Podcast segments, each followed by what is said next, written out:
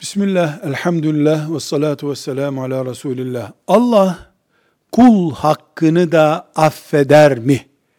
Ne demek? Ahmet Mehmet'e karşı bir suç işlemiş. Ahmet'in üzerinde Mehmet'in hakkı var. Kul hakkı diyoruz buna. Allah bunu affeder mi? Genel ilke şudur. Allah kul haklarına karışmıyor. Ne demek karışmıyor? Muhasebesini tutturuyor meleklerine ama sildim bunun kul haklarını demiyor. Dedirtmiyor.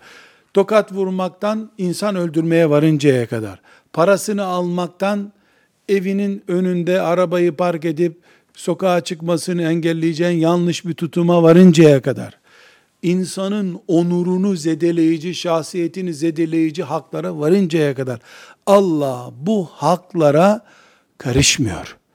Yani helalleşilecek ortam oluşturuyor. Helalleşirseniz helalleşirsiniz diyor.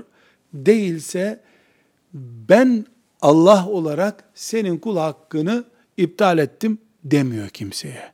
Kanunu böyle Allah'ın. Bu da müminin Allah'ın cehennemine girmekten ne kadar korkuyorsa o kadar da kul hakkı yüzünden o cehenneme girmekten korkması anlamına geliyor. Velhamdülillahi Rabbil Alemin.